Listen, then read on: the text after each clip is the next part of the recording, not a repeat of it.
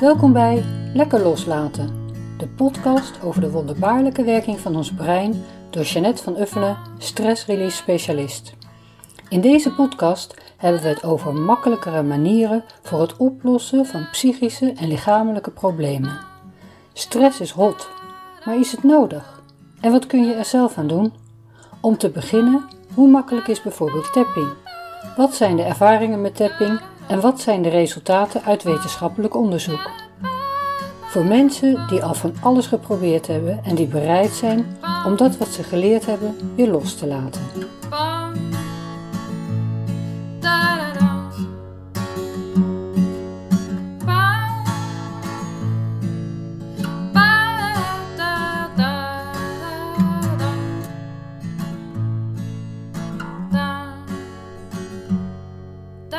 Ga ik in gesprek met Dominique Pickerel Aardgeerts. Dominique is Belg, maar zij woont al sinds 1984 in Engeland. Ze is getrouwd met een Engelsman en ze heeft drie volwassen kinderen. Dominique heeft lang gewerkt als leerkracht, lerares moderne talen.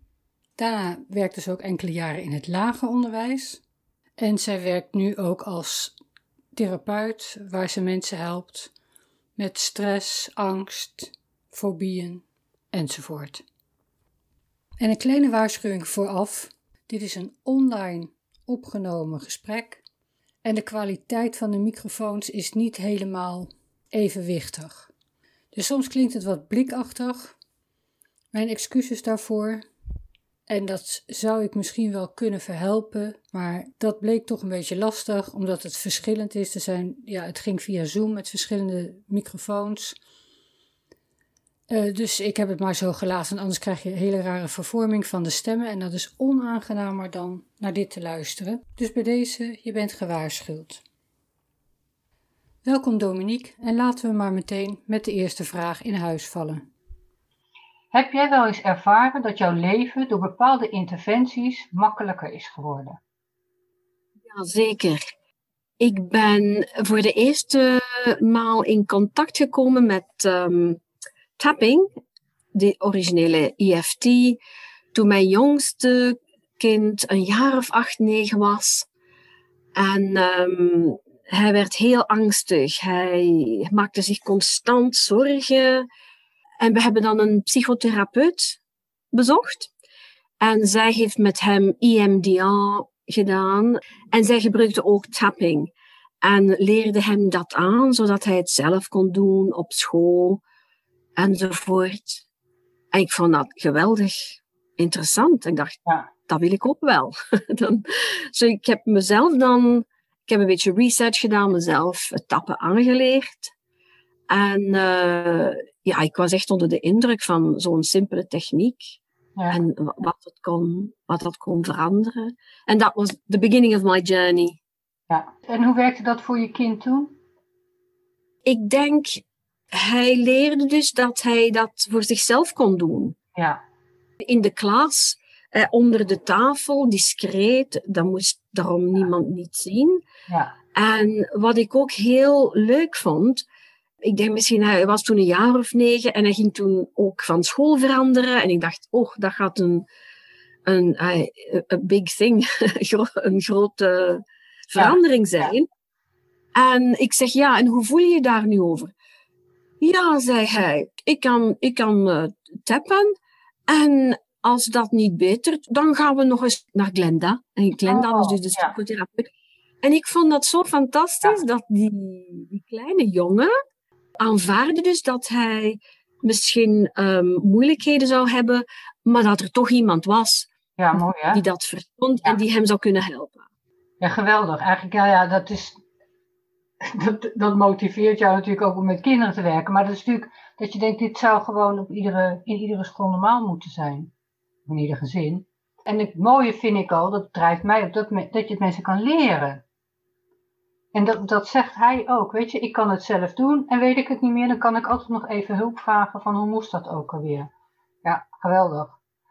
En toen, dat was nog voor uh, dat je dat soort dingen online deed, dus jij hoe heb jij het zelf geleerd? Ook via een boek of met een cursus? Of... Ik ben dan eens toevallig naar een, eh, een demonstratie gegaan hier in de buurt van iemand die dus um, ehm, EFT deed en het aanleerde. En dan heb ik online gezocht. Ja. Ik heb ook Nick Ootne, de Tapping Solution, een tijd gevolgd. En dan ben ik dus op video's van uh, Fast EFT gekomen. Uh, die gevolgd voor een tijd. En dan uh, de vorming gedaan, de opleiding, waar ik uh, jou heb leren kennen in 2016. Ja. ja. En weet je of je gebruikt jouw zoon het nog wel eens? Ja, hij gebruikt het, hij gebruikt het nog. Hoe vaak, weet ik niet. Ja. Maar als je beseft, hij was vooral die tijd, zo, hè, toch enkele maanden, zo angstig, dat ik dacht, oei, we gaan dat hier moeten volgen. Ja. Want als dat niet betert, gaat hij gewoon een heel nerveus individu um, blijven. Ja. Wel, als je hem nu ziet, hij is uh, 22, 23, um, bijna 23. En hij is heel, hoe zal ik zeggen, heel, heel chilled. Um, heel even-tempered, hoe zeg je Ja. dat? Gelijkmatig, gelijkgestemd, ja. En het is helemaal geen punt, want kijk, iedere Nederlander verstaat wel wat Engels. Dus het is echt geen punt. Als je het gevoel hebt van, ik kan me beter uitdrukken in het Engels, dan mag je het er ook in het Engels uitgooien. Oké, prima. Dus hij zit, hij zit goed in zijn vel. Hij zit Ja. goed in zijn vel. Ja. Eh, en ik weet dat hij, hij- dat hij soms eh, tapt. Ik geloof, ja, ja, er was een episode een tijdje geleden. Ja. En ik herinner me nog, als hij, als hij klein, veel, veel jonger was, dat hij eens eh, een film bekeek op tv. En ik zei, ja, maar ben je daar niet een beetje jong voor? Het is nogal gewelddadig. Hij zegt, nee, mama, nee, it's okay. I'm coping. I know it's only a film. En hij ging dus slapen. En na twintig minuutjes hoorde ik hem boven. Mami. hij zegt, ja, je had gelijk. Ik kan niet slapen. Ik kijk, ken- denk de hele tijd aan die film. Ja. Kan je misschien even met mij tapping Ja. doen? En we hebben dan samen getapt. En na enkele minuutjes zei hij, Mom, what was I worried about? En ik zei, doesn't matter, go to sleep. En ik dacht, wauw. Hij was letterlijk vergeten, na enkele rondjes stappen, waar hij zo mee bezig was. Waar hij zo... En ja, dat is toch formidabel zo, Ja. als je dat ziet. Ja. Heb je dat zelf ook wel eens ervaren? Ik heb het wel eens gehad hoor, dat ik zat te tappen en dat ik echt dacht, eh, waarom ging ik nou tappen? Ja, absoluut. En het, dat was ook het, ehm, het keerpunt met mijn man. Want mijn man is heel ehm, supportive. Ja. Hè? Maar ik denk wel dat hij het allemaal een beetje raar vond. Ja. Maar toen hij is thuisgekomen met iets en ik zag gewoon, hij, was, hij zat met iets in zijn hoofd. En hij, hij was niet echt eh, aan het spreken. Hij was ergens anders in zijn hoofd, weet je. Dat ik zei, zou je eens even willen dat ik, eh, dat ik op je tap? Oké, oké, nothing to lose. Ja. En, eh, Ja. na, ik zeg het, vijf, tien minuutjes. Eh, ja, ja, hij voelde zich een beetje beter. Dus off he goes. En hij kwam terug thuis, eh, ja, late namiddag. Ik zeg, en hoe is het? Hij zegt, wat? Ik zeg, heb je, er, heb je er nog veel aan gedacht? En zijn gezicht Ja. was zo van, oh my god, I haven't given it another thought, waren zijn woorden. Mooi. En Ja. ik dacht, well, the, the Ja. proof is in the pudding. Dus hij, Ja. Hij heeft het toen, en hij was dus heel cynisch, Ja. en heeft het toen voor zichzelf ondervonden. Ja, en dat is goud. Ja. Ja. Ja. Ja, en dat is, dat maakt het soms ook zo moeilijk. Je kan, mensen zeggen, oh moet je er, ik, ja, maar ik, ik weet niet of ik erin geloof. Zeg, je hoeft er niet in te geloven, je moet het gewoon eens gaan doen. En niet een keertje proberen of, nee, ga dat nou eens gewoon doen. Want dit is typisch iets wat je moet ervaren om het te begrijpen. En niet andersom. Want het is niet logisch. Ja, oké, als je in de meridianen verdiept en de, de kennis achter is het wel logisch. Maar dit, ons hele systeem werkt niet zo logisch. Dus het feit dat je dit gaat zitten doen, dat er misschien gek uitziet, houdt mensen tegen. Of ze doen het tien minuten. Eh, ja, het helpt niet. En dan zeg ik, ja, dan moet je doorgaan tot het, tot het verandert. En niet de hele tijd gaan zitten denken, oh helpt dit wel, maar nou ja, zoals we het doen, hè, gewoon loslaten, letterlijk loslaten. En ook, dat is mijn favoriete zin geworden, wat het ook is, ik laat het los en laat het gaan. En dan zeg je tegelijk, maar mensen blijven heel erg denken aan hun probleem. En wat dat dan is. En nee, gewoon wat het ook is. Maakt niet uit wat het is. Ik laat dit nu los. En ik heb heel vaak ervaren dat ik dan. En het was moeilijk om mezelf dat aan te leren. Maar ik heb heel erg, ervaren als ik dat dan zei van.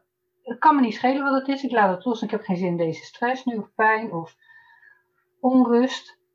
Dat ik dan gewoon na een tijdje, soms dezelfde dag, soms dagen later, dat ik ineens zo'n soort weet dat, uh, inzicht had van, oh, dat was er aan de hand. Of er inderdaad nood meer aan dacht. Uh, maar dat is precies, en vaak is het ook dat mensen, wat je had met je man, weet je, dat de eerste keren dat het zo verrassend is, dat het heel erg werkt. En daarna gaan ze erover nadenken of gebeurt er van alle andere dingen, waardoor het steeds moeilijker wordt, zeggen mensen dan. Ja, het werkt nu niet meer. Nee, omdat je heel erg gaat analyseren en gaat nadenken het is geen kwestie van geloof, denk ik, maar van het lef hebben om het gewoon te doen. Of genoeg probleem hebben, of als je man zich rot voelt en je biedt dat aan, dat heb ik ook gehad met mensen. Met mijn dochter, weet je, die vond het ook nooit zo interessant. En als je moeder dat doet, is het misschien wel een beetje raar. Tot met de eindexamen, dat ik zei van, joh, ik kan je helpen. Baat het niet, dan schaadt het niet. Het kan niet erger zijn dan zo. Dus misschien heb je er wel wat aan. Nou, en dat heeft ze toen wel gemerkt. En inderdaad, heel af en toe als echt ja, er iets aan de hand is, dan mag het. En het werkt ook heel goed. En ik denk ook, uh, uh, het is een, een, een vaardigheid, ja. uh, een skill. Ja. En dan zeg ik ook, ja, je, als je bijvoorbeeld begint gitaar te ja. spelen, je gaat niet zeggen na twee lessen, nou, dat is niks voor mij. Ik, ik kan nog altijd geen gitaar spelen. Ik, ik kan nog altijd niet in, in een orkest spelen. Ja, natuurlijk niet. Elke vaardigheid eh, wordt versterkt en je wordt erin beter door het, door het te doen. En, en, en tapping is, is, is ook zo een, een vaardigheid. Zo simpel is het. Stel dat wij, ja. stel dat we zouden stoppen als we, hè, ik heb nu mijn neefje van een jaar, die kan net lopen. Stel dat hij na twee keer vallen gestopt was. En dat ik zeg, ja, sorry hoor, uh, dat is niks voor mij, dat kan ik niet. Dan had hij nu nog gezeten. En dat is, weet je, denk ik, maar als we klein zijn vinden we dat normaal. Of denken we er niet over na. Dan doen we niet zo ingewikkeld. Maar het is inderdaad een vaardigheid. Want dat is ook, hoe meer je het doet, hoe makkelijker het wordt. Ik hoef soms echt alleen maar dit te doen. Of alleen maar denken, ik ga het loslaten. Of mijn schouders ophalen, uitblazen, klaar. Of mentaal tappen. En dat moet je er even voor over hebben. Maar ja, dan komen er vaak allerlei redenen waarom mensen niet willen veranderen. Dat is een heel ander verhaal. Het is zo simpel dat het bijna een beetje te simpel is. Ja. Dat mensen soms denken, eh, really? Is, is dat alles? Ja. Come on, allee, zo simpel. Het is te simpel om, om, om te werken. En ergens de grootste strength uh, is dat het zo simpel is, maar het is ook ergens een weakness voor sommige mensen die, die graag uh, een strategie is die, ja, ik weet niet, een beetje, een beetje ingewikkelder is. Ja, de illusie van het moeilijk doen. Want daar zijn we soms zo aan gehecht, aan dat het moeilijk moet. En uh, weet je, als ik nu denk, ja, maar ik kan pas echt voor mezelf beginnen als ik dat en dat en dat klaar heb, dan hoef ik vandaag nog niet te beginnen. Maar ja, het vervelende is ook, als ik inderdaad iedere keer een verhaal heb. Als ik nu zeg, ik wil 10 kilo minder wegen, dan zeg ik dus tegelijk, ik ben niet goed, want ik ben 10 kilo te zwaar. Dus we zijn altijd, en de hele, ook de therapieën, ook de alternatieve therapieën zijn heel erg gericht op jezelf moeten fixen. Maar als je gaat zitten tappen, gewoon, ik ben geweldig en ik hou van mij, wil niet zeggen dat het niet nog eens een probleem is. Maar goed, ik ga alweer verder.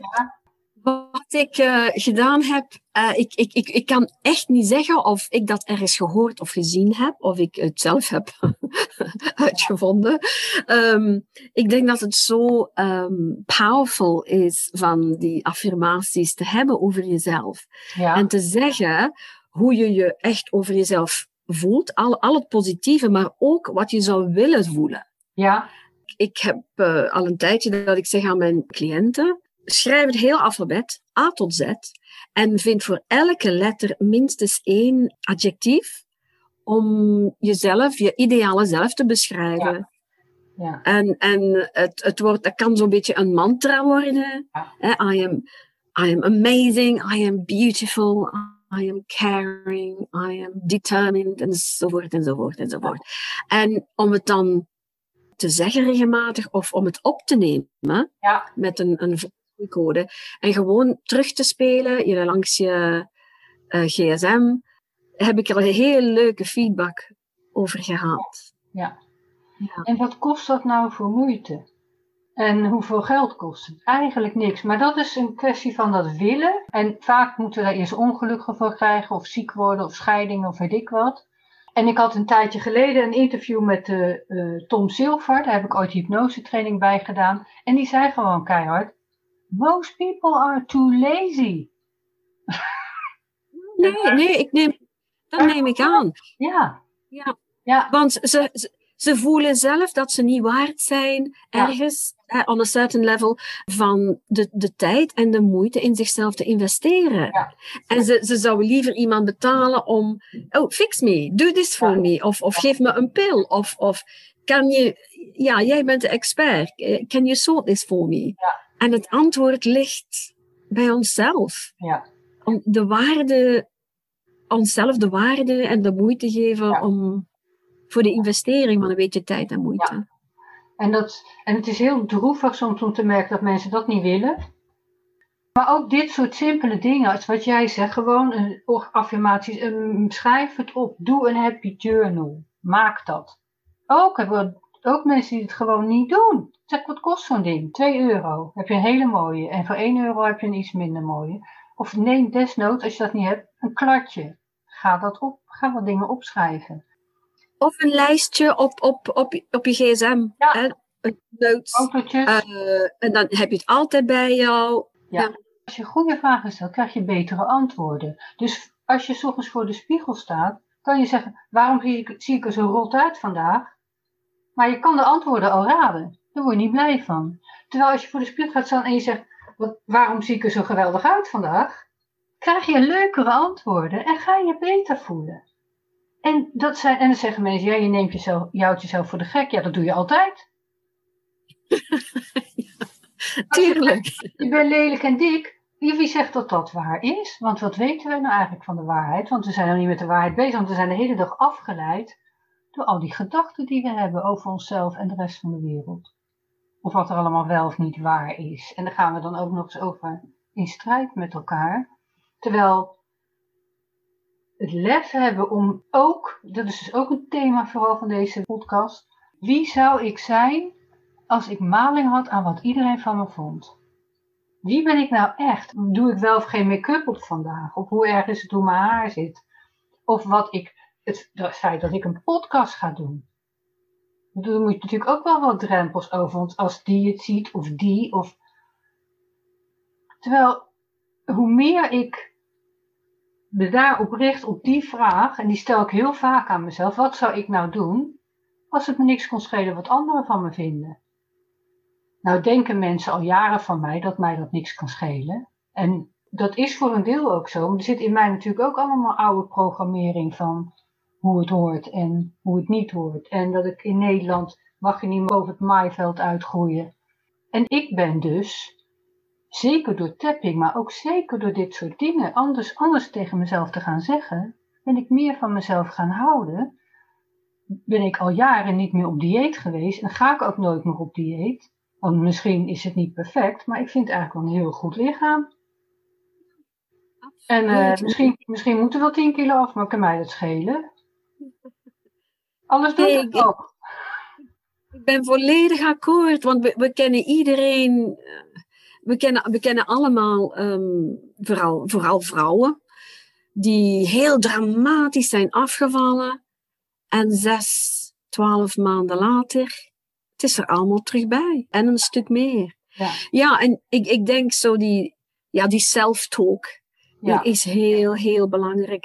En Wat dat, is ook, dat is ook te simpel.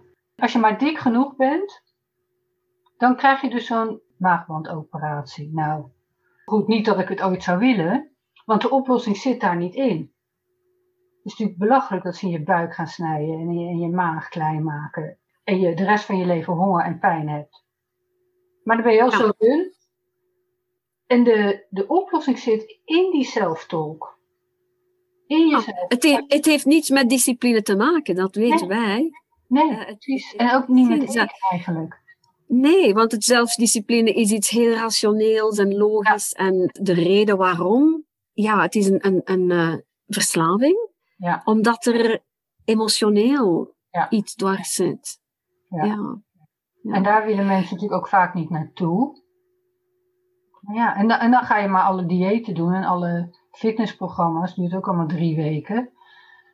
Eh, maar goed, we gaan weer even terug, want we wijden helemaal uit. Ik ga weer terug naar mijn vragen. Nou ja, mijn volgende vraag is inderdaad, werd je door omstandigheden gedwongen? Nou ja, dat was inderdaad dat, het, dat je kind gewoon hartstikke bang was. En zo ben je hiermee in aanraking gekomen. Eh, En ook, had je nog als ik- andere voorbeelden? ja, dus ik, ik was zelf ook een, een angstig een kind. Ik herinner me, toen ik nog heel klein was, ja, ik weet niet hoe oud, ehm, dat ik so- soms tics, nerveuze tics Oh ja. had. En op, op mijn twaalf jaar, ik ben toen een dagboek begonnen. En ik heb het nog eens teruggelezen, oh, eh, enkele jaren geleden. Eh, nee, helemaal niet interessant. Nee, Maar de twaalfjarige uit, ehm, eh, hoe zou ik zeggen? ehm, maar er stond heel vaak eh, buikpijn. Heb veel buikpijn gehad vandaag. Buikpijn in de klas. Ah, Dus altijd maar buikpijn. En dat was gewoon van, van de zenuwen, van, van, van stress. En dan dacht ik, ja, als ik toen, als kind van twaalf, als ik dan eens had geweten hoe te tappen, dat had dus alle verschil gemaakt. Ja. En dan zijn er nog enkele episodes geweest hè, gedurende mijn jeugd dat ik het tamelijk moeilijk had. Eh, ik ben een van vier meisjes. Mijn twee oudere zussen hebben een, een, enfin, vele eh, mental challenges ondervonden. En dan dacht ik zo, ja, goh, dat is mijn DNA. Wat, wat, wat voor shit staat hier rond de hoek voor mij? ja, ik, ik moet proberen proactief te zijn en me zo sterk mogelijk te maken en proberen mezelf zoveel mogelijk te helpen, want anders gaat het bergaf gaan met me. Ja. Ja. van wat zou nu het advies zijn aan de jong, je jongere jou? Maar dat zeg je eigenlijk wel, ja, als ik dat toen had geleerd. Wel, mijn, mijn oudste zus had ehm, suikerziekte, zware suikerziekte, zoals mijn vader ook. En zij is vier jaar geleden overleden. En dan mijn andere zus is, eh, heeft de ziekte van Korsakoff en zit al enkele jaren in een ehm, zorgcentrum. Ja. En zij heeft ook suikerziekte. Terug naar jou. Hè, dat- weet, begrijp je nu waarom je zo bang was als kind? Wat was er gaande? Of heb je dat van huis uit meegekregen? Zonder dat je allerlei details hoeft te vertellen. Niet echt, niet echt zo mee een, meer een algemene malaise. Ik zou zeggen, als kind was ik gelukkig. Ik, ha- ik, ik had een, een gelukkige, zorgeloze kindertijd. Ik heb heel veel leuke herinneringen.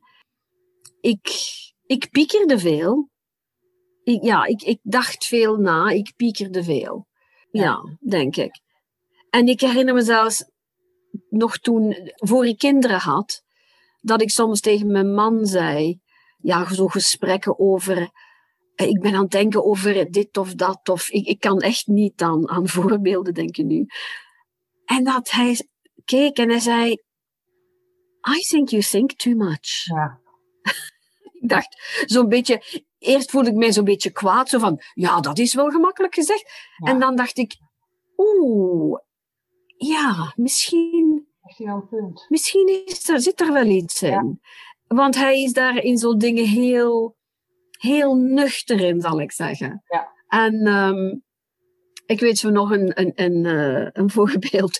toen we gingen verhuizen. We waren dus, we woonden in een heel leuk klein huisje, maar het werd te klein. En dan zijn we verhuisd naar een veel groter huis. En natuurlijk moesten we veel meer voor betalen en een grotere hypotheek afgaan. En dat ik s'nachts wakker werd en dacht, oh, is dit wel juist voor ons? Is dit misschien een beetje te ambitieus? Zijn we daar wel klaar voor om te verhuizen? En dat ik de volgende morgen zei tegen, tegen mijn man, ja, ik heb amper geslapen. Want ik, ik, ik, ik zit me de hele tijd te denken, zullen wij, ik ga het in het Engels zeggen, are we going to be happier when we move? Ja. En hij keek naar me. En hij zei, well, will we be happier? Of course not. We'll have more space. Ja, very good. Ja. Ja, we gaan niet verhuizen om gelukkiger te zijn. We, we, we, verhuizen om meer plaats te hebben. Dat zo.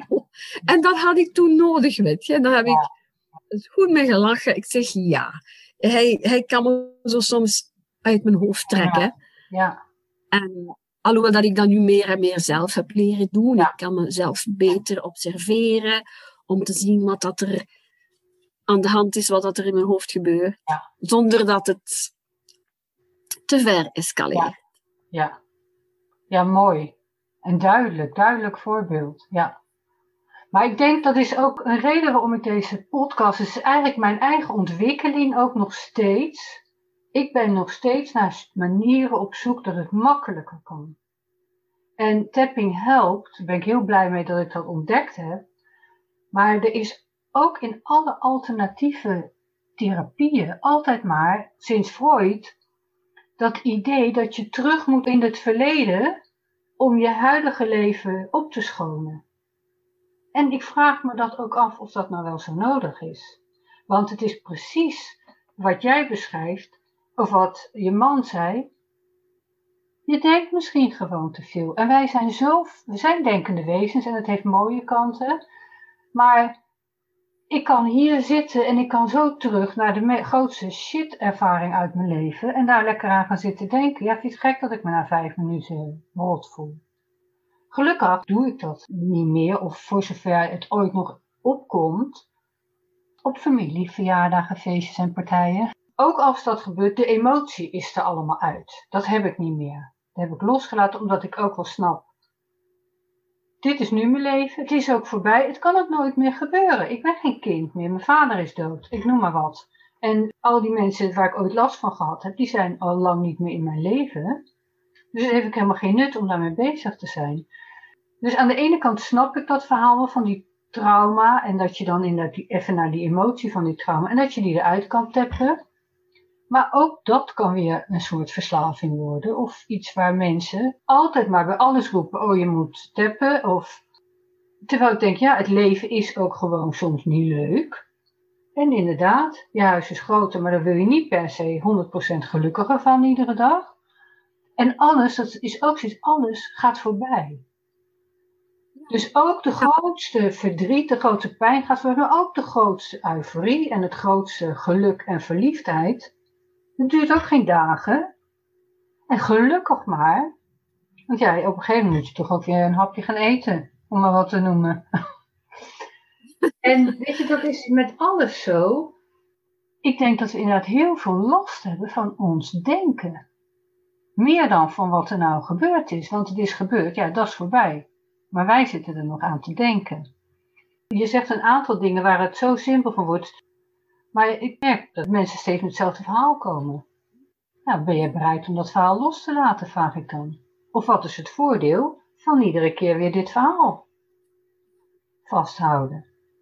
En het waarderen dat het enige waar we echt controle over hebben, is het nu. Is dit moment. En dat wordt ook zoveel gezegd, maar het is een, een ongelooflijke waarheid. En ja, um, yesterday's history, tomorrow's a mystery, today's ja. a gift. That's what we call it present. Beetje simplistisch, maar helemaal de nagel op de kop. Het is zo makkelijk om het nu te bederven met de hele tijd het, het verleden te herkauwen of zorgen te maken over wat morgen kan of misschien niet kan gebeuren. ja, ik, ik, ik vind dat dat is een van mijn groot, grote lessen, denk ik. Van echt het moment te appreciëren en zo. Ik ben jaren geleden gestopt met de radio op te zetten in de auto. Ja. En gewoon, ik heb die beslissingen genomen van, als ik naar, naar school reed, het nieuws en heel veel ja, negatieve dingen van rond de wereld. En ik had zo een knappe rit naar uh, mijn school, want het was veel rijden door de natuur. Maar ik zag er nooit niks van, want ik was altijd naar het rotnieuws aan het luisteren. Dat ik zeg, nee, dat heb ik niet nodig. Ja. Ik wil mijn dag positief beginnen. En zo echt kijken, oh kijk, ja, de lucht is helemaal anders dan gisteren. En, en de knoppen komen aan de boven. En zo, zo dingen echt uh, merken en, en er een dankbaarheid voor voelen. Voor hele simpele dingen.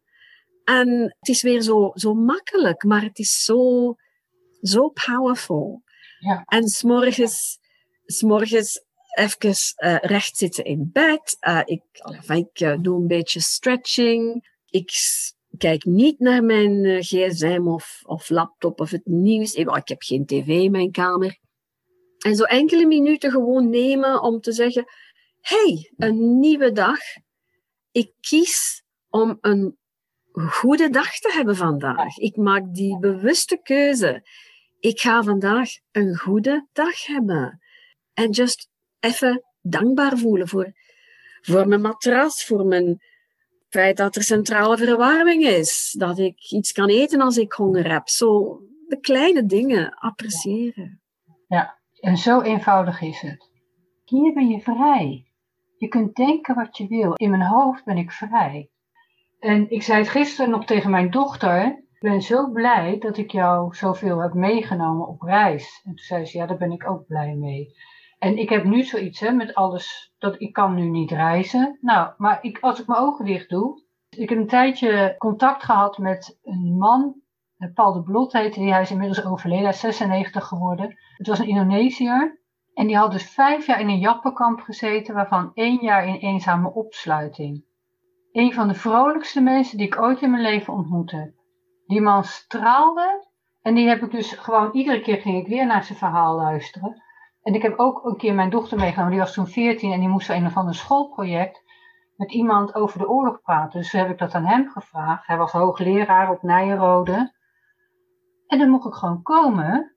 En dan ging hij met een kind van 14 gewoon twee uur zitten praten. Maar wat hij vertelde over zijn leven, en zeker over vijf jaar in dat jappenkamp en een jaar in eenzame opsluiting. Het enige, wat ik, enige contact wat ik had was met mijn poepemmer, zei hij. Het is maar wat je in je hoofd doet, daarmee. En dat is precies wat jij zegt. Ga je inderdaad, ik heb ook al jaren geen tv meer en ik luister ook nooit naar het nieuws. Weet je, als er echt iets aan de hand is, hoor ik het toch wel. We kunnen ieder moment kiezen, ga ik me nu bezighouden met de Amerikaanse verkiezingen. Dan hoor je ook iedereen maar over, kan mij dat nou schelen? Ik, kan daar, ik heb daar totaal geen invloed op. Dan ga ik me er toch niet meer Absoluut. Ja. ja, en dat is, dat is de andere grote les uh, die ik geleerd heb. En, en uh, als er iets mis is, en je, je voelt je onrustig of, of ongelukkig over een situatie, vraag jezelf, kan jij daar nu iets aan veranderen? Ja. Als het antwoord nee is, ja, dan heb je de keuze om er, er, erover te blijven zagen en, en te piekeren. Of te zeggen, het enige dat ik hier kan veranderen is mijn attitude er tegenover. Ja. En ik kan beslissen hoeveel ik me dat laat beïnvloeden. En om, om, om logisch en rationeel te zeggen, nee, I don't want to go there. Ik, Ja. ik laat het los. Dat, dat, zijn mijn, dat is mijn, mijn probleem niet. Dat, ik, Ja. dat is niet mijn, mijn brief van daar iets aan te doen, van dat allemaal op te lossen. En dat, vind ik- dat is heel belangrijk. En ja, ik denk, eh, er zijn velen die echt verslaafd zijn geworden aan het nieuws. Die de hele tijd de, het nieuws bezien en altijd maar luisteren naar het nieuws op de radio. Ik heb dat ook ondervonden met, eh, met cliënten. Ja. En die zeggen, ja, maar ja, wel, de radio staat de hele tijd op, of de tv, maar ik kijk er niet echt naartoe. Ik zeg, ja, maar je onderbewustzijn luistert de hele tijd. En als jouw belief system is dat het een gevaarlijke wereld is, guess what? Je onderbewustzijn gaat alles registreren en bijhouden dat dat bewijs is van het feit dat het een gevaarlijke wereld is. En dat is helemaal niet gezond. Zet de radio af, zet de tv af. Kijk Ja. naar één nieuwsbulletin eh, per dag. Ja, Als het echt moet, maar niks meer. Nee. En dat zeggen allemaal, dat is het grootste, eh, it's made the biggest difference. ja. En dat weer zo simpel. Iets dat je zelf kan doen voor jezelf. Ja, en dan sluit je vrede met jezelf. Ook inderdaad, hè, vergeven. Jezelf vergeven als je, als je iets stoms doet. Anderen vergeven als ze je pijn hebben gedaan. Dan sluit jij vrede met jezelf. En daar begint de wereldvrede. Als iedereen dat nou zou doen, was het klaar. Maar dat is het ook voor en verantwoordelijkheid nemen voor je eigen leven. En voor je eigen gedachtenwereld. Maar zo vaak zijn mensen overtuigd van dat het ze overkomt. Dan denk ik, ja, die gedachten, die zijn net vogels, die vliegen maar af en aan. Nou, laat je ze een nest bouwen in je hoofd. Of zeg je nou doorvliegen? Mooi. Interessant. Hmm. En terug naar, want je zegt, ik was een bang kind. En door, ook door dit soort dingen te doen, eh, is dat ook veel minder. Ja, absoluut. Ik denk, het laatste jaar is een van de, de gelukkigste jaren van mijn leven geweest. Ja, Van tijd te hebben. ja, tijd. En, en ik weet het, ik, ik heb heel veel geluk in het feit dat financieel hebben wij goed onze plan kunnen trekken. Eh, we hebben een tuin. We- mijn, mijn zoon had naar België moeten gaan voor een, voor, voor een nieuw werk, maar dat is niet doorgegaan. Dus we waren hier met ons drietjes en het weer was mooi. Dat ik dacht, God, this is a gift. Ja. Ik, ik moet hier het meeste van maken. ja, Want er zijn zoveel. Ik weet het, voor vele mensen was de situatie helemaal anders natuurlijk. Maar Ja. het was heel unieks en special. ja. Ik heb En heel weinig naar nieuws luisteren. Ja, maar dat is ook zo interessant. Ik heb heel veel mensen gehoord hoor, en nog steeds, die, die voordelen opnoemen. Ook mensen die conflicten hadden op het werk, waar ze, nou lekker, ik zie mijn collega's even niet, want ik werk thuis. Of mijn baas, die zit altijd in mijn nek te hijgen. Nou, dat kan nu niet. Zoveel, of ik hoef lekker met de kerst niet met familie iets. Lekker rustig, met, weet je, zoveel dingen. Daar hoor ik ook aan, denk ik, oh wat gaan we toch vaak over onze grens heen dat mensen blijkbaar toch kerst gaan vieren op een manier die ze eigenlijk helemaal niet willen. En als je niet naar het nieuws luistert, is er dus gewoon niks aan de hand. Absoluut. Ja, absoluut. Ja, ja. Eh, even kijken. Denk je dat het nog makkelijker kan dan wat je nu al bereikt hebt? Goh, ja. Ik ben er een beetje van bewust dat, dat ik zo klink of dat eh, my life is wonderful, I have all my shit together. dat is Which is not the case, of course. Dus, ja, nee, ja, ik heb ook, ik, ja, ik heb ook dagen dat, dat, eh, dat die, die niet leuk zijn. Dat, dat, dat ik me een beetje moet met moeite rondsleuren. Maar ah, die, die gebeuren niet zo vaak. En, en ik, ik zal dan echt stoppen en zeggen: Oké, wat is er hier aan de hand?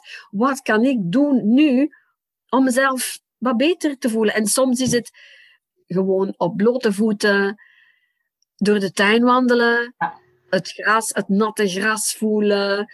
Eh, dus ja, grounding, earthing. ja, Ehm, ja, dus met, met de zintuigen, de zintuigen gebruiken om in het, in het moment te komen. Ja. Of keiluide muziek opzetten en even, even dansen. Dus echt die, dat programma te onderbreken. ja. Ik kan zorgen dat mijn dag is en dat ik de, de beste attitude heb. Dat wil niet zeggen dat er niks meer gebeurt wat vervelend is. Het gaat ook niet om wat er gebeurt, het gaat om hoe ga ik ermee om. En daar zit inderdaad het verschil, waardoor je het makkelijker maakt. Trek je je het verhaal van de buren aan, of van al die bange mensen, of van het nieuws, of creëer je je eigen leven en je eigen wereld. En mensen willen daar vaak niet aan, maar dat kan. En dat doe je. En dan wordt het Ah, leven, ja, ik- wat er ook gebeurt, wordt anders. Er zijn altijd redenen te vinden waarom dat je niet gelukkig bent. Ja.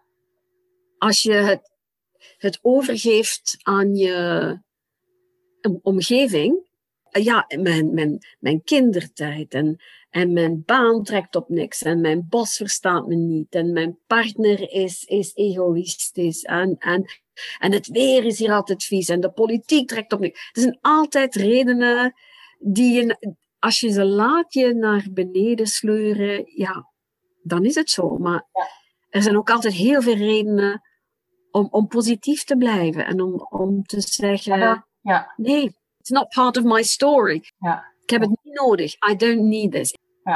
Helder. Want inderdaad, dat voorbeeld wat je noemt, en mijn partner, mijn collega, de politiek, is allemaal buiten jou. Maar in jou, en dat is ook precies de, de andere ingang, ja, vanuit jezelf kun je iets heel anders. En eh, wat laat je binnenkomen en wat niet. En dat heeft volgens mij alles te maken met verantwoordelijkheid nemen voor je eigen leven. Maar ja, het nadeel daarvan is, heb je ook geen excuses meer. Even kijken. Ik, had, eh, ik heb eh, nooit, ni- niet echt gedieet, eerlijk gezegd. Maar ik heb wel eh, een beetje ja, mijn gewicht in doog gehouden. Om, omdat toen ik ook, eh, toen ik in verwachting was van mijn derde kind, was ik op randje af niet suikerziek.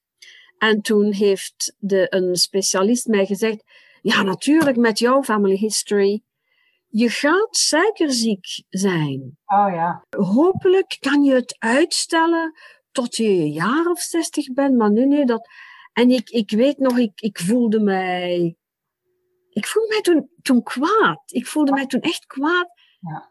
Hoe durft hij zo mijn toekomst te voorspellen? En mij te zeggen hoe ik binnen twintig jaar Ja. ga, ga zijn. En dat ik ook voor jarenlang dacht, ja, ik moet ontbijten. Ontbijt is heel belangrijk. Eh, energie om, om de dag te beginnen, om je metabolisme op gang te krijgen. En dan merkte ik de laatste jaren dat ik soms op school kwam. En het was dan eh, de, de, de, de morning break, rond een uur of tien, half elf. Dat ik dacht, oh, ik ben vanmorgen vergeten te eten. En ik voelde toen dit een beetje paniek. Zo van, oh, dat, dat, dat had ik niet mogen doen. Ik, ik heb mijn ontbijt niet gegeten. En vlug, wat zou. Ja, ik kan misschien al een boterhammetje eten of een banaan. eh, en dan, dan is het straks middag, dan kan ik verder eten. En dan heb ik eens een clip gezien op, op het internet van iemand die zei... I give you permission not to eat till you feel hungry. Ja. If you don't want to have breakfast, ja. don't eat breakfast. En het was zo belachelijk, maar dat ging zo ping. Ik zeg, maar dat is er aan de hand. Ik heb gewoon geen zin om te eten 's Ja. Ik heb geen honger. Vroeger wel, had ik nooit mijn dag kunnen beginnen zonder ontbijt. Ja. Ehm, dat ik dacht, nee, ik ga naar mijn li- lichaam luisteren. En nu al een hele tijd dacht ik, 's morgens, ik, ik, ik ontbijt niet. Nee. En soms heb ik om tien uur honger en eet ik iets. En heel vaak heb ik geen honger tot half één, één uur. En het is oké. En ik heb mezelf eh, permissie gegeven ehm, om, om dat te doen. Om niet te eten tenzij ik honger heb. Ja. En het, sinds toen is... Ja, ik, ik weeg mij amper. Maar ik voel mijn, mijn gewicht is, is, is heel constant. En ik, ik ben een beetje minder zwaar dan ik een jaar of twee geleden was. Ja. En heel natuurlijk gewoon mijn, mijn instinct volgen. Is eh, erop betrouwen. Ja. En zo simpel, hè? En ik functioneer eigenlijk als best als ik één of twee keer per dag een goede maaltijd eet. Ik kan eten wanneer ik wil. En kan het ook gewoon vergeten. En de programmering van jij krijgt suikerziekte. Ja, ja het rare is, mijn, mijn zussen die waren altijd slank, nooit, nooit te zwaar. Dus ja, dat is zeg, ja, type 1, type 2 is type 1 meer erfelijk. Maar dan is er ook de hele kwestie van ehm, epigenetics. Ja, Oké, er is misschien een, een, ehm, meer kans qua DNA betreft, maar onze omgeving, onze mentale instelling, onze, ja, onze voeding, onze ervaringen, heeft er enorm veel mee te maken. Wij kunnen ons DNA veranderen met hoe we tegen onszelf praten en hoe we denken en hoe we tappen. Zelfs het parasympathisch zenuwstelsel is dat. En het... Sympathisch, dat reageert en dat stress geeft. Ja, en dat, weet je, je hart en je bloedstroom, dat zijn natuurlijk allemaal automatisch. Maar wat je denkt, heeft natuurlijk wel effect op je stressrespons, op je lichaam. Dus wij kunnen echt ons hart langzaam of sneller doen kloppen, doen kloppen alleen maar door anders te denken. Door anders te praten tegen ons eigen onbewuste systeem. Dus het staat helemaal niet vast.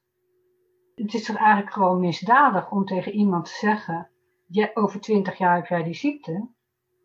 Ja, nee, ik, ik, ik zeg het ja. Ik vond dat. Uh, ja, ik, ik, denk op die moment zelf dat ik dacht: oh shit, ja, hij heeft gelijk, dat zal wel. Ja. En dan, ik was naar huis aan het rijden. Ik weet, het nog, ik weet nog waar ik was, in de auto. Dat ik toen. Nee, how dare he? Ja.